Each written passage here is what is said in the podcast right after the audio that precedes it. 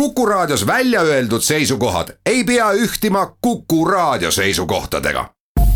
Te kuulate Kuku Raadiot.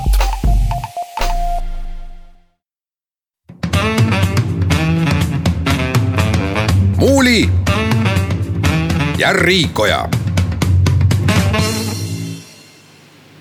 tere päevast, head kuulajad, kell on seitse minutit üksteist läbi ja et on reedene päev, siis on ka saate Muuli ja Riikoja aeg. tehnilistel põhjustel on täna stuudios ainult Kalle Muuli, mina Hendrik Riik ja olen stuudiost eemal, aga ma loodan, et hea sisu nimel annate väikese tehnilise praagi andeks meile. tere päevast alustame tänast saadet erakondade reitingute teemadega, teemadega tõepoolest, et reitinguid on olnud väga mitmeid, küll lihtsate erakondade, küll koos äh, valimisnimekirjadega ja kõige värskemad, värskem reiting on siis ka peaministrikandidaatide reiting. teisest, teiseks räägime teemast, mida ajakirjandus on nimetanud rekordiliseks äh, maksutagastuseks, ehk siis on selgunud, kuidas inimesed kasutavad äh, uut suuremat tulumaksuvabastust, üle poole miljoni inimese, inimese saab siis lähiajal oma rohkem makstud tulumaksu tagasi, ainult kuus protsenti on neid, kes siis peavad tulumaksu juurde maksma targad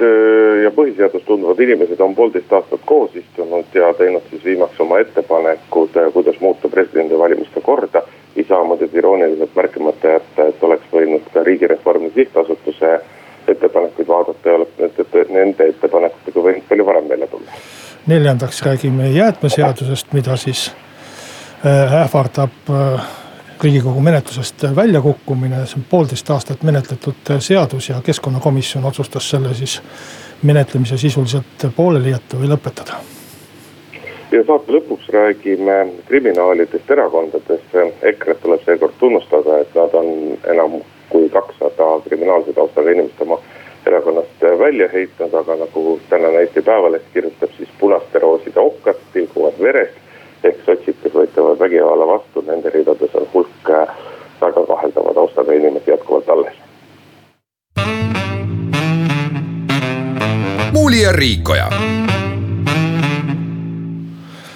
alustame saadet siis äh, kauaoodatud erakondade reitingutega, valimispäeva lähenedes on need erilise tähelepanu all, sedapuhku on siis meil võimalik läbisegi või järjekorras, kuidas tahame, rääkida suisa kolmest äh, reitingu uuringust või, või arvamusuuringust. ma püüan äh, neil vahet teha. Äh, Eesti Rahvusringhäälingul. aga kas on väga mõttetu? põhimõtteliselt nad enam-vähem langevad kokku, aga küsitud on natuke erinevaid asju, natukene erineva seltskonna inimeste käest. Eesti Rahvusringhääling on siis turu-uuringutelt tellinud küsitluse, mis näitas Keskerakonna kolmekümne kolme protsendilist toetust, järgnes Reformierakond kahekümne viie protsendilisega. EKRE seitseteist, sotsiaaldemokraadid seitse, Isamaa kuus ja Eesti kakssada viis protsenti toetust, ülejäänud siis äh, valimiskünnise all. ja, ja eks see järjekord väikeste protsendinumbrite kõikumisega ole, ole ka teistes küsitlustes äh, samasugune. BNS ja Postimees on siis Emori kaudu tellinud küsitluse, aga seal on huvitavaks äh, asjaoluks see, et äh, küsitletavatel on näidatud ka vastava piirkonna viit esimest kandidaati ja see on siis oluliselt, mitte oluliselt, aga, aga siiski muutnud küsitletavate arvamust ja, ja kõige rohkem on siis kandidaatide arvelt tõusmas sotsid ja Isamaa. natukene väheneb kandidaatide näitamise järel siis või, või, või konkreetsete kandidaatide tõttu Reformierakonna, Keskerakonna, EKRE ja Eesti kahesaja toetus, aga, aga põhimõtteliselt see järjekord, mis ma ette lugesin, jääb enam-vähem samaks, küll äh, Emori uuringus on Reformierakond ühe, kahe protsendipunkti võrra äh, Keskerakonnast eespool. Ja, ja kolmas, kõige värskem värskemalt avaldatud uuring on siis peaministrite uuring. ja seal põhimõtteliselt siis käib nagu heitlus kahe suurema partei peaministrikandidaadi ehk esimehe vahel, siis Jüri Ratas on sedapuhku suurendanud oma edu Kaja Kallase ees ja Ratase toetus on kolmkümmend viis protsenti ja Kaja Kallase toetus on siis kaheksateist protsenti ehk umbes pool sellest, mis on Keskerakonna esimehel noh, saidki enam-vähem kõik numbrid nimetatud, nüüd on kommentaaride aeg, Indrek. Jah su ütlus ei ole selles mõttes päris täpne, et kui me räägime peaministrikandidaatidest, siis et seal heitlus käib kahe suurema vahet, et kui nii-öelda nii üht kui teistmoodi tehtud erakondade toetusreitingus on ikkagi Reformierakonna ja Keskerakonna vahe sihuke ikkagi olemuslikult väga pisikene, siis peaministri osas on ikkagi Ratase toetus kaks korda suurem kui, kui Kaja Kallasel ja, ja siin ei ole küll nagu küsimust, et keda Eesti inimesed rohkem eelistavad. see, et äh, Reformierakond ja Keskerakond jagelevad äh, esimese, teise koha nimel, see on selge, see, et äh, nii-öelda teine liiga on sotsid ja EKRE, on ka selge, küsimus on nüüd ikkagi selles, et kas meie parlament tuleb kuue erakonnaga või viie erakonnaga, sest et selgelt on Eesti kahesaja puhul näha olnud, et siiamaani, kui ei ole räägitud väga palju nimedest, siiamaani on see toetus ikkagi alati olnud noh, uue erakonna kohta täiesti korralik, seal kord seitse, kord kaheksa, kõige paremal korral vist lausa kaksteist protsenti, kui siin sügisesi kuid vaadata. aga, aga, aga jälle see vana jutt sellest, et tähtis on ikkagi, kes on need nimed, kes vaatavad valijale valimispäeval vastu ja valimispäevani on jäänud tegelikult tunduvalt vähem kui, vähem kui kuu aega, sest et juba enne vabariigi aastapäeva tähistamist äh, algab ju nii e-hääletus kui ka eelhääletus, et me sisuliselt räägime nii-öelda kolmest nädalast, mis on veel aega teha aktiivset valimiskampaaniat ja, ja eriti Eesti kahesajal kui uuel tulijal inimesi nagu enda poole, enda poole meelitada ja. ja kui me vaatame seda Eesti kahesaja nagu senist käitumist, siis siin peegeldub see paradoks, et ühest küljest justkui vaatavad nimekirjast vastu targad, haritud ja kogenud inimesed, kes peaks valdama nii suhtekorraldusnippe kui mida kõike veel. aga tegelikult see nende kampaania ja nende avaldused on ikkagi, on ikkagi suhteliselt hambutud. mis on ikkagi Eesti kahesaja ideoloogia, see on jätkuvalt see selgusetu, räägitakse probleemidest. aga lahendusi tuleb, lahendusi pakutakse, kui üldse, siis väga näpuotsaga. ehk äh, minu arust on see nagu praegusel hetkel ikkagi valimiste kõige olulisem küsimus, et kas nüüd ülejäänud viiest äh, saab keegi protsendipunkti paar rohkem või vähem, ei olegi nii oluline, et, et see tasakaal ja need vahekorrad tõenäoliselt jäävad äh, umbes samasuguseks. Isamaa, kellel vahepeal oli ikkagi pilt väga nukker, noh tänu, nagu oli ka arvata osalt tänu heale nimekirjale, ta nii-öelda suudab midagigi ära teha, kas just päris oma tulemuse, mida tahetakse, aga, aga parlamendist ta välja ei jää ja noh, Vabaerakonna võime maha panna noh, kui, kui rääkida nüüd järele jäänud kolmest äh, neljast nädalast, hääletamine algab tegelikult ju varem kui, kui valimispäeval e. eelhääletus ja e-hääletus, et äh, siis ega valimistel ju mingit ühte suurt keskset teemat ei ole, mille ümber heitlus käib, et küsimus ongi nüüd selles, et kas sellisel taustal juhtub veel mingisugune sündmus või on kellelgi mingisugune nii-öelda luukere kuskil, mis, mis muudaks seda temaatikat või üldpilti. kui sellist sündmust ei, ei juhtu, piltlikult öeldes, kui nii-öelda Venemaa kellelegi kallale ei tungi või, või mingit muud dramaatilist pööret meie lähipäevil ei, ei toimu. siis otsustavaks saavad ikkagi sellised puhtalt isiklikud esinemised, teledebatid kuidas inimesed ekraanil äh, suudavad ennast väljendada ja, ja endale poolehoidjaid võita. et seal on, äh, ütleme siis peaministrikandidaatidel ja erakonna teistel tipp-poliitikutel väga oluline roll.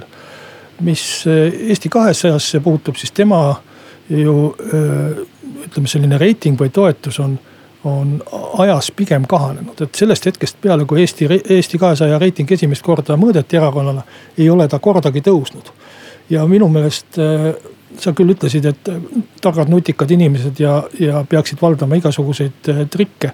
ma arvan, et nende häda ongi see, et nad on väga keskendunud äh, mingisugusele poliittehnoloogiale ja mingisugusele nii-öelda mingitele nippidele, alates sellest, kuidas nad venitasid oma väljatulekuga ja rääkisid, et nendest üldse võib-olla ei saa erakonda, võib-olla saab erakonda. ja, ja kõiksugused muud sellised keerutused, kuni, kuni lõpuks selle ebaõnnestunud plakatikampaaniani välja, mis pidi olema ka üks odav viis ennast hästi võimsalt näidata. et tegelikult oleks võinud keskenduda oma pika plaani seletamisele, siis kui oleks tahetud tõesti sisule keskenduda ja ma arvan, et see oleks palju edulisem, et nendest poliittehnoloogiatest on tegelikult rahvas tüdinenud ja ma vaatan, et. et tegelikult kampaaniast lähevad paremini need, kes ei ole nagu noh, silmatorkavalt head poliittehnoloogid, ega Reformierakond oma olemuselt on ka ju noh, ma arvan, et Eesti parim poliittehnoloogia erakond, aga no ei, ei vea välja. Kalle, eh, Kalle, see, need, see valimiskampaania, mis sul käib, sul mingid kohvikud ja asjad, ma olen pressiteadet lugenud, see on sinu muidu vahedat nagu mõistust tühmistanud. vastupidi, Eesti kahesaja häda on see, et, et nad on, nad on tulnud, mis ideaalis justkui on nagu hea, et nad on tulnud kui spetsialistid, kui sisulised inimesed ja nii edasi ja nii edasi. ja seda poliittehnoloogiat nad kasutavad väga vähe, aga no midagi ei ole teha. tead sa, tead sa nende, tead sa nende sisust midagi, ütle, ütle midagi nende sisust. peale selle, et neil on pikk luba, plaan, mille sisu keegi ei tea. vot luba, ma räägin lõpuni, et, et nende häda ongi see, et nad on, nagu ma ütlesin, nad on rääkinud mingitest probleemidest, nad ei ole pakkunud äh, reaalseid lahendusi ehk nende sisust ja kavast me ei tea mitte midagi. ja sinna juurde vastupidi, poliittehnoloogiaga ei ole nad üldse tegelenud, et kui me vaatame teisi erakondi, sedasama Reformierakonda, sedasama Keskerakonda, siis nagu sa tabavalt ütlesid, valimistel suurt teemat ei ole.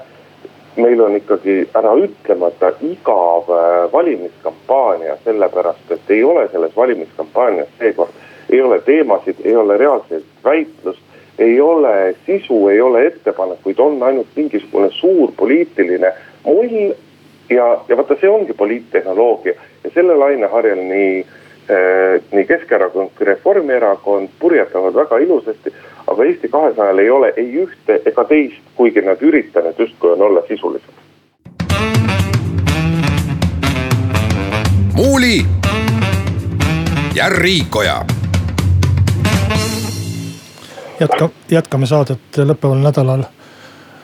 sai siis vastusega see suur küsimus, et mismoodi on inimesed oma igapäevases maksukäitumises reageerinud eh, tulumaksu vabastusele, sellele viiesaja eurosele vabastusele, mis hakkas, hakkas nüüd eelmisest aastast siis eh, kehtima ja selgunud on see, et enamik inimesi võiks ütelda, et peaaegu et kõik inimesed on valinud äh, selle tee, et on äh, maksnud aasta jooksul natuke rohkem ja on nüüd tagasi saamas korraga ühe suurema summa oma tulumaksust. ainult kuus protsenti on siis neid inimesi, kes peavad äh, tulumaksu juurde maksma, aga tagasisaajaid on üle poole miljoni. sada nelikümmend üks miljonit eurot makstakse neile välja ja noh, need summad on erinevad, aga, aga valdav enamik on seal kuni kolmesaja eurosed summad, nii et väga kuupalga suuruseid ei ole tulemas, aga selge on ka see, et mingit, mingit sellist maksukaost või mingit kohutavat suurt maksupahameelt äh, ei ole äh, sündimas. E, iseasi, kas keegi jõuab rõõmustada, sellepärast et tagasimaksed minu teada algavad alles kahekümne kuuendal veebruaril. ma mõtlesin, et rõõmustada enne valimisi, aga noh, ega see tulumaksuvabastus ei ole ka nüüd äh, tehtud päris üheks aastaks ja, ja ainult äh, valimiste puhuks, et. see mõjutab kindlasti meie maksukäitumist ja meie sissetulekuid pikemat aega. no asi on ikkagi, asi ei ole selles, et Eesti inimesed oleksid kuidagi nii-öelda äh, planeeriksid, et neil läheks paremini, et nad võiksid nii-öelda oma, oma sissetulekuid ajastada. sellel noh, olemuslikult ikkagi astmelisel tulumaksul, mis meil äh, eelkõige Keskerakonna, aga terve selle valitsuse eestvõttel kehtestatud on, et, et selle suure nagu armastatakse öelda ennekuulmatu, tavatult suure tagastuse põhjus on ikkagi ainult üks asi, meie tulumaksusüsteem on lihtsalt niivõrd segane, et ükski inimene ei julge võtta endale seda riski, et ta, et ta üritab kuidagi jooksvalt asjal silma peal hoida et eh, lihtsam on minna seda teed pidi, et, et okei okay,, ärge minult siis midagi kinni pidage ja vaatame järgmisel aastal, kas saab midagi tagasi või ei saa tagasi.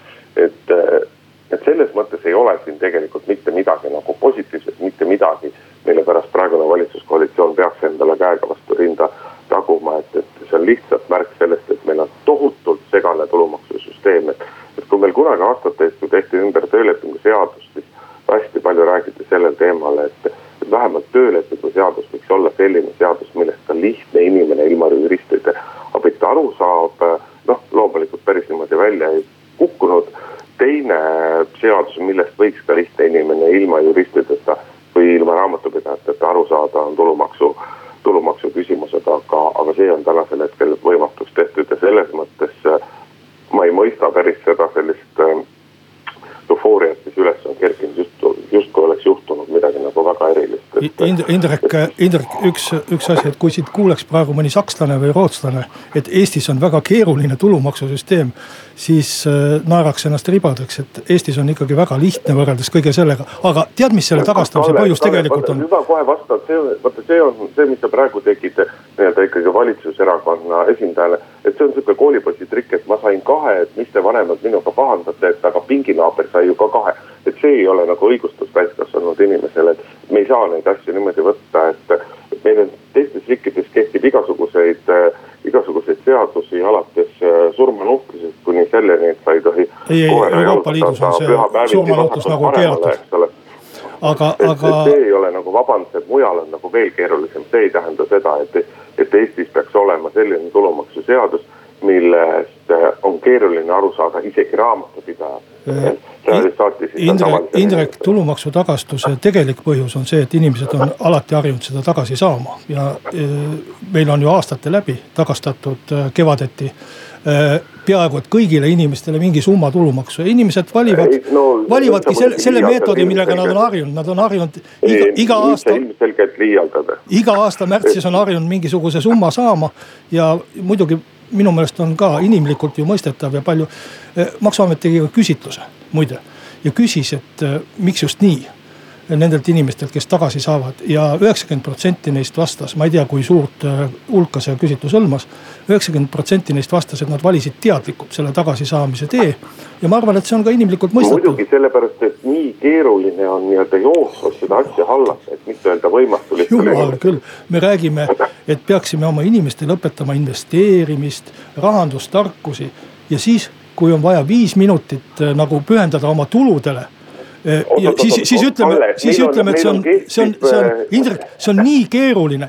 see, on nagu, nagu me elaksime mingisugused neljaklassilised imbetsillid oleksid nagu meie inimesed. mina oma, oma rahvast küll nii rumalaks ei pea, et ta ei oska oma, oma isiklikku tulu planeerida. mina ei pea antud, antud juhul ei ole rumal mitte rahvas, vaid rumalad on poliitikud, kes on teinud meil see meil sadade, et mitte öelda tuhandete astmetega tulumaksusüsteemi. ja sa ütled, et viis minutit ja, ja istuge maha. Et äh, sa ei ole Kallevist pidanud ise nagu arvutama, et sulle, ma arvan, on ka raamatupidaja alati nagu välja arvutanud kõik need asjad, et. ei, ei, ma oma isik, isiklikku tulu. kõike muud kui keeru-, kui lihtne, nii et ei maksa rääkida, et inimesed investeerimine, isegi investeerimine Tallinna börsil on kukepea võrreldes meie meie tulumaksusüsteemiga, aga meie peame siinkohal Kalle. Indrek, Indrek, ma tahan ütelda seda, et äh, sa räägid, et mina räägin, arvutan oma, oma isiklikku tulu raamatupidajaga, see on ju lollus.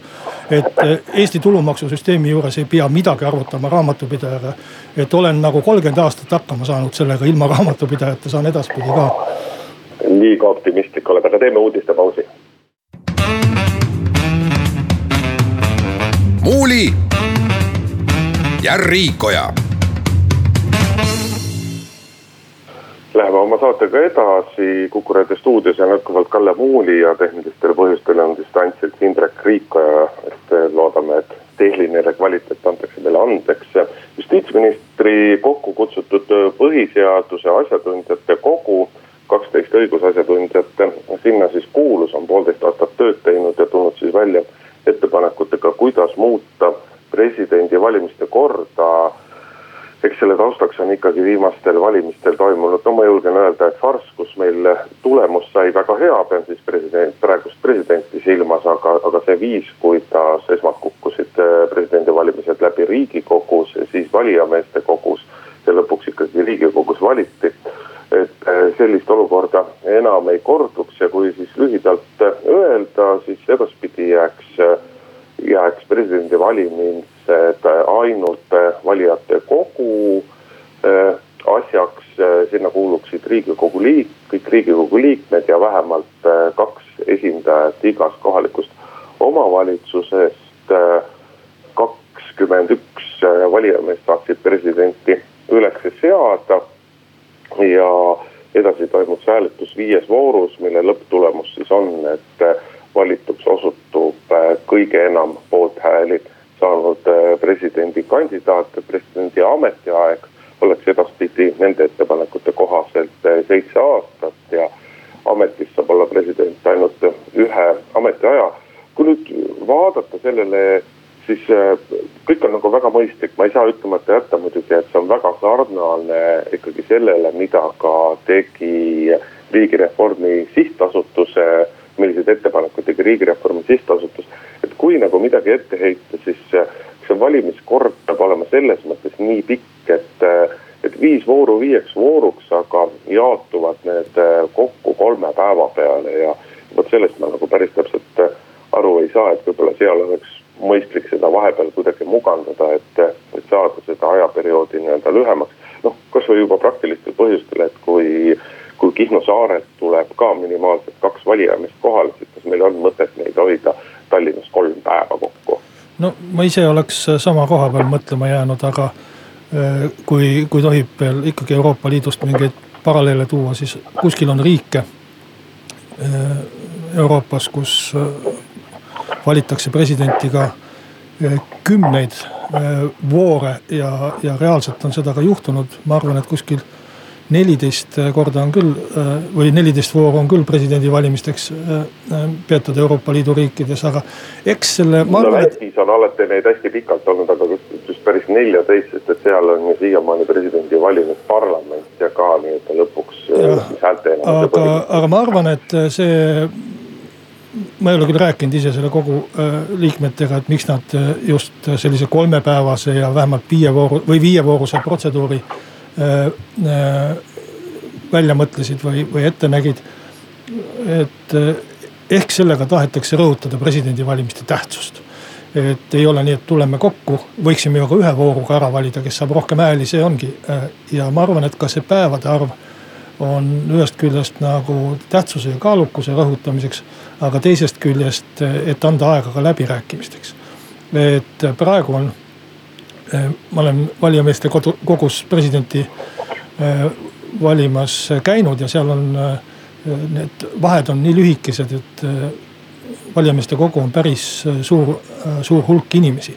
et need ei jõua omavahel läbi rääkida seal ja, ja läheb selliseks väga, väga noh, ütleme imelikuks lehmakauplemiseks sulle-mulle et, et võimalik, et see päevade arv on mõeldud selleks, et oleks rahulikult äh, aega arutada, aga noh, iseenesest see viis. aga vaata, see ongi see poliittehnoloogia vagu, kuhu sa selle asja tahad nagu juhtida, et oleme ausad, et neid läbirääkimisi valdavalt, äh, valdavalt peavad nii-öelda parlamendifraktsioonid, kelle käest, kui me võtame nii-öelda äh, ka viimase valijakogu oli kokku suurusjärgus kaks kolmandikku valijakogu häältest, eks ole, ülejäänud inimesed tulid koha pealt ja olid pigem äh, valimisliitudest ja. ja, ja, ja kohalikud aktivistid, et see lehmakauplemine käib selle kahe kolmandiku seas, et kas meil tegelikult. noh, kas meil on sellele asjale nagu niipidi tarvis läheneda, et, et need ettepanekud ei räägi, ei räägi esialgu midagi presidendi ametivolitustest ja presidendi nagu ülesannetest. Ja kui me mõtleme sellele, millised on presidendi öö, ülesanded, siis tema kõige tugevam relv on sõna ja, ja nii-öelda liiga palju õigusi ja kohustusi tal ju tegelikult oma seadusandlikul tasandilt ja, ja sellest räägime nagu ei ole, et kas seal noh, tähtsad peaksidki olema pigem nii-öelda isikuomadused ja kõik sellised asjad, aga noh, selle üle nagu lehmakauplemist ei ole mõtet teha. ei, sa kujuta valimisi reaalselt ette esimeses, igas voorus. ma kujutan päris reaalselt neid ette, jah. ma olen käinud valimas ja ma, ma, ma võib-olla kujutan sellepärast paremini ette. et äh, esi-, igas voorus kukub sul üks presidendikandidaat ära. Äh, äh, see tähendab, et need inimesed, kes tema poolt hääletasid ja olid otsustanud tema poolt hääletanud, nüüd peavad ümber otsustama, et kelle poolt nad hääletavad. või nad ei hääleta kellegi poolt, mis otsuse nad teevad. Ja nad peavad sel juhul ka üldiselt läbi rääkima Äh, nende inimestega, kes seda teist presidendikandidaati toetab, et.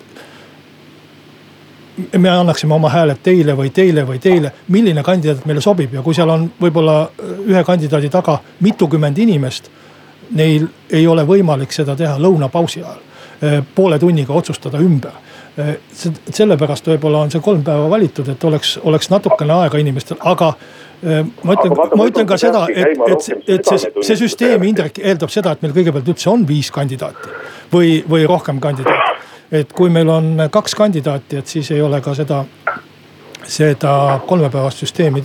minu meelest võiks seda kokkupoole lükata ka, ma arvan, et, et võib-olla saaks ka kahe päevaga hakkama ja see kaks päeva Estonias valijameeste kogu, ma arvan, et eh, annab ka selle presidendivalimiste tähtsuse selles mõttes edasi et, et saaksime ehk veel nii-öelda ökonoomsemaks ja efektiivsemaks seda asja teha, aga, aga, aga. asi ei ole ainult, asi ei ole ainult ökonoomsuses ja efektiivsuses, nii nagu president on, on väga paljusti nii-öelda sümboolne, sümboolne inimene ja tema roll on sümboolne roll.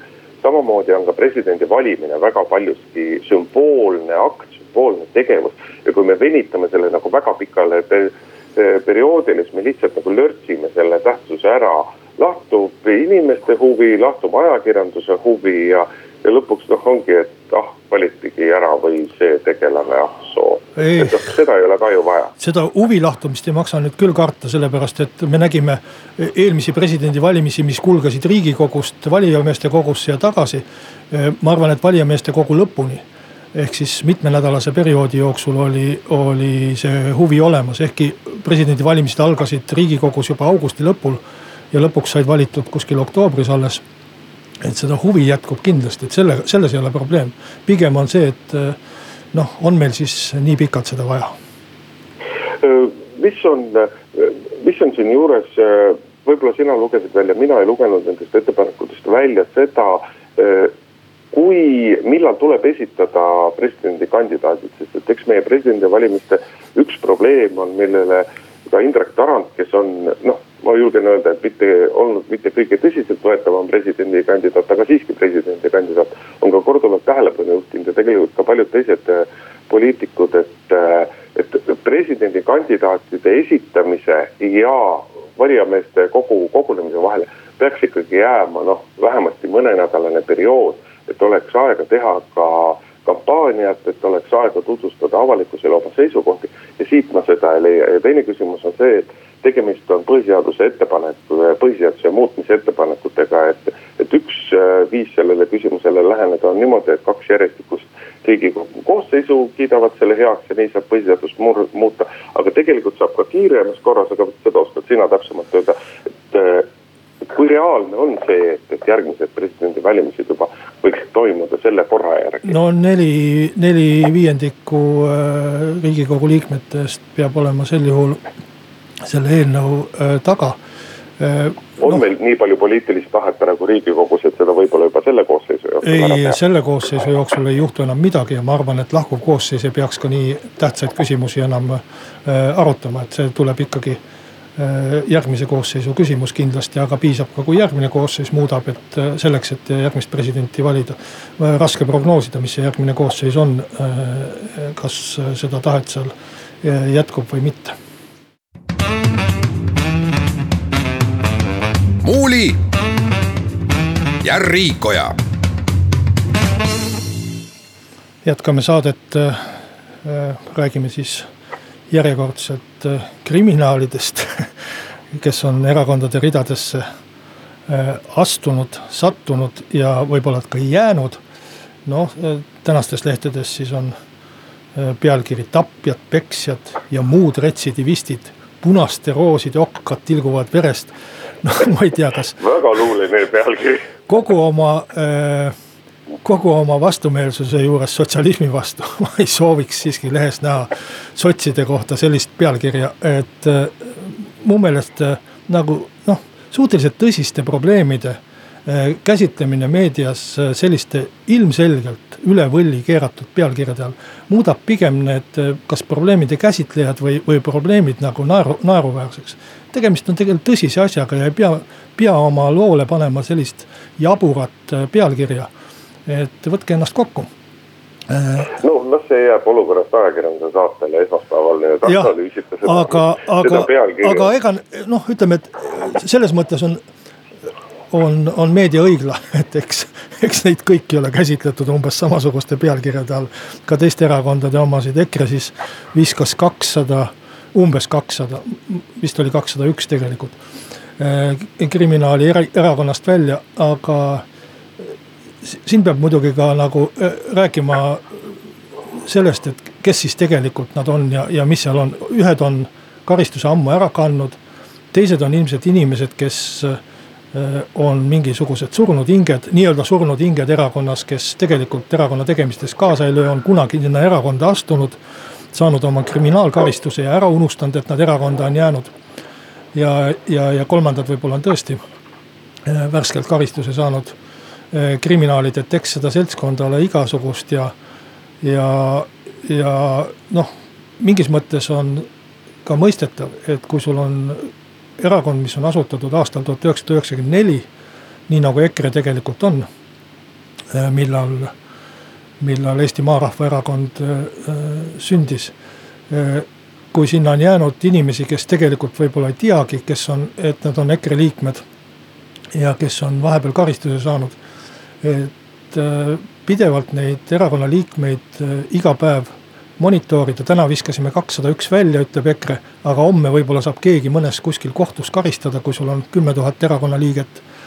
et äh, ma ei tea, äh, minu meelest nagu ei maksa üle dramatiseerida seda, et äh, keegi on erakonnas kriminaalkorras karistatud, loomulikult kui erakonna põhikiri näeb ette, et ei tohi olla, siis tuleb ta välja heita.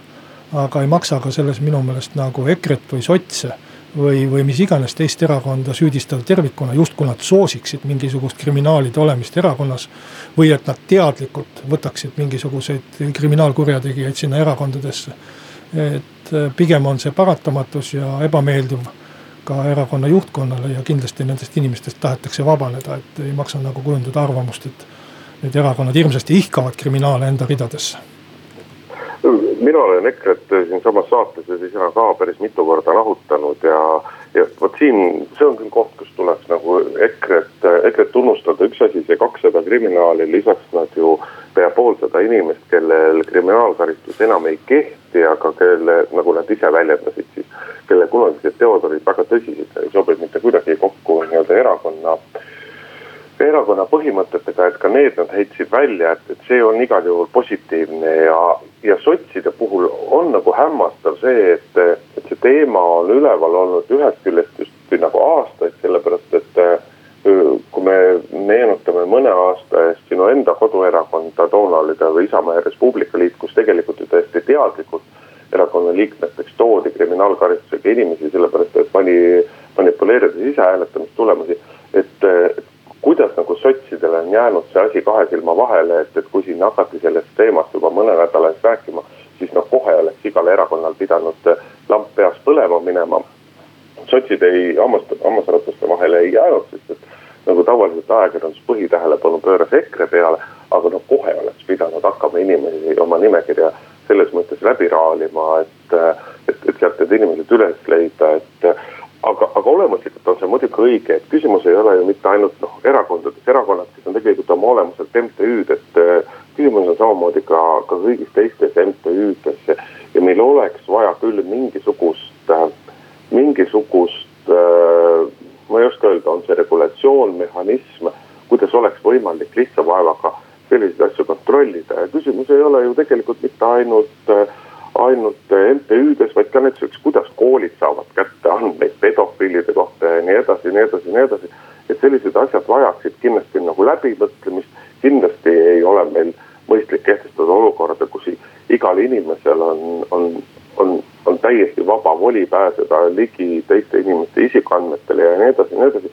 aga mingisugused korrad ja mingisugused süsteemid võiksid kehtida, sellepärast et erakond ja samamoodi MTÜ, see on justkui nii-öelda ikkagi mingisuguste aadete, mingisuguste ideede, mingisuguste väärtuste põhjal kokku saanud kogum.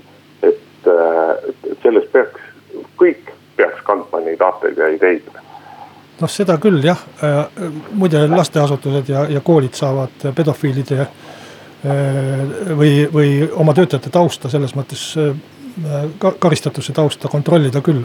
et karistusregister, karistusregister on olemas ja seal on noh, selles mõttes lihtsam, et lasteaias sul on võib-olla kümme või kakskümmend kasvatajat ja, ja, ja sa võtad neist igaühe isiklikult tööle, kui sa oled lasteaia juhataja. et erakonnas on tuhandeid liikmeid, suuremates erakondades isegi üle kümne tuhande ja. jah, aga erakondadel on oma allorganisatsioonid, kes ja. neid liikmeid vastu võtavad ja. ja nii edasi, et tegelikult neid lülisid, kes seda kontrollida võiksid ja kelle jaoks ei ole see kontrollimise maht tegelikult nagu nii suur, et neid lülisid siiski suurtel erakondadel ka täiesti on jah, äh, seda, seda küll, aga ei ole nagu seda süsteemi, pigem on süsteem, süsteem puudulik selles osas, et kui sa juba oled erakonna liige. Ja sind siis karistatakse kriminaalkorras, siis ei jõua see teave mitte kuidagi äh, kellelegi muule, ainult äh, kohus ja karistusregister. et sel juhul peaks tegelikult nagu iga päev lappama seda karistusregistrit läbi, et kas mõni meie liige on täna saanud karistuse. liikmelisuse tingimus võiks olla see, et kui inimene saab kriminaalkorras karistada, siis ta annab sellest ise kohe teada. see on pal muidugi... paljudes erakondades, kaasa arvatud EKRE, see ongi niiviisi, aga äh, inimesed ei anna teada ja sa ei saa mitte kuidagi seda teada ja selles mõttes äh, noh, ma ei tea, kas, kas peaks nüüd tegema mingisuguse riikliku süsteemi, see tundub nagu ülepingutatuna, aga. aga kindlasti ma arvan, et pärast neid, kus uudiseid, kus punaste rooside okkad tilguvad verest, kindlasti erakonnad ma õpin selle pähe ja kordan, kordan igas saates, aga öö, et pärast seda ma arvan, et erakonnad kindlasti püüavad välja mõelda mingisuguse süsteemi, kuidas äh, enam-vähem automaat, automaatselt karistustest teada saada. iseküsimus on veel see, et kas see, kui inimene saab kriminaalkorras korra elus karistada, kannab oma karistuse ära. kas see tähendab, et äh, tal igaveseks peaks olema ära lõigatud äh, poliitiline tegevus, kas tal võiks olla ka nagu normaalsesse ellu tagasipöördumise võimalus, neid inimesi on vähe, aga ma tean neid ja, ja tean ka neid poliitikas, kes on kriminaalkorras karistatud, aga kes on väga äh, tublisti ennast muutnud ja on tublideks inimesteks saanud, et selles mõttes äh, kah väga kahe otsaga asi, kui, kui tahta mingit absoluutset piiri sinna tõmmata aga see on küsimus erakondadele endale, sellepärast et nii nagu parlamenti ei tohi kuuluda kehtiva kriminaalkaristusega inimene, aga võib kuuluda kriminaal, oma karistuse ära kandnud inimene, nii peaks see loogiliselt võttes ka erakondades olema. Jah, aga, aga praegu, kui me räägime nendest verest tilkuvatest okastest, siis seal all on kõik. seal all ka on ka põhimõtteliselt need inimesed, kes kelle okkad enam ei tilgu verest, vaid kes on oma karistuse ära kandnud ja võib-olla täiesti täiesti siiralt oma elus äh, teise lehekülje pööranud ja, ja kellest meil võiks äh, noh, kõigil suur heameel ja palju kasu olla, hoolimata sellest, et kuskil kolmekümne aasta või kahekümne aasta tagant pani ta toime poevarguse või oli puruspäi roolis. Aga siinkohal peame tänasele saatele joone alla tõmbama kuna valimiste aeg on alga- või noh, ütleme valimise, valimiskampaania on alanud, siis Kuku raadios on teadupoolest äh, eeskiri, et äh, kuu aega enne valimisi kandideerivad äh, inimesed eetrisse kahjuks ei jõua, seetõttu Kalle, ma pean su andma neljaks-viieks nädalaks vabaks, ma loodan, et sa oskad seda aega, mis sul nüüd saate tegemisest alles jääb, ka tarmukalt kasutada. nojah, eks sa võid ette kujutada, milleks ma seda kasutan, aga, aga, aga kohtumiseni siis pärast valimisi aga ära ole, Kalle, tagasihoidlik, tee väike ennustus ka, et äh, kas siis, äh, kas parlamendi koht tuleb valimistel sulle? sa mõtled isiklikult? Äh, ikka isiklikult, muidugi. ma arvan, et need inimesed, kes lähevad kandideerima, tahavadki riigikogusse pääseda ja parlamenti pääseda ja kui sa lähed kandideerima siis ei ükski erakond ega ükski kandidaat ei lähe mõttega, et ma kaotan need asjad. et täpselt samamoodi ma lähen tennist mängima mõttega, et ma võidan, et kui ma läheks mõttega, et ma kaotan siis äh, ei oleks ju mõtet mängida ja, ja sellepärast äh, tuleb anda oma parim ja teha, teha kõik, mis sinu võimuses, et, äh, et tulemus oleks võimalikult hea. see, mis, milline see tulemus tegelikult on, seda otsustab rahvas ja selle, selle üle ei pea nagu kandidaat väga muretsema aga mina julgen küll teha ennustuse, et sa saad oma kandideerimise kõige parema tulemuse suurusjärgus tuhat ükssada viiskümmend häält, eks paistab, kas see sind parlamenti viib või ei vii. suur tänu kuulajatele ja kuuleme jälle nädala pärast.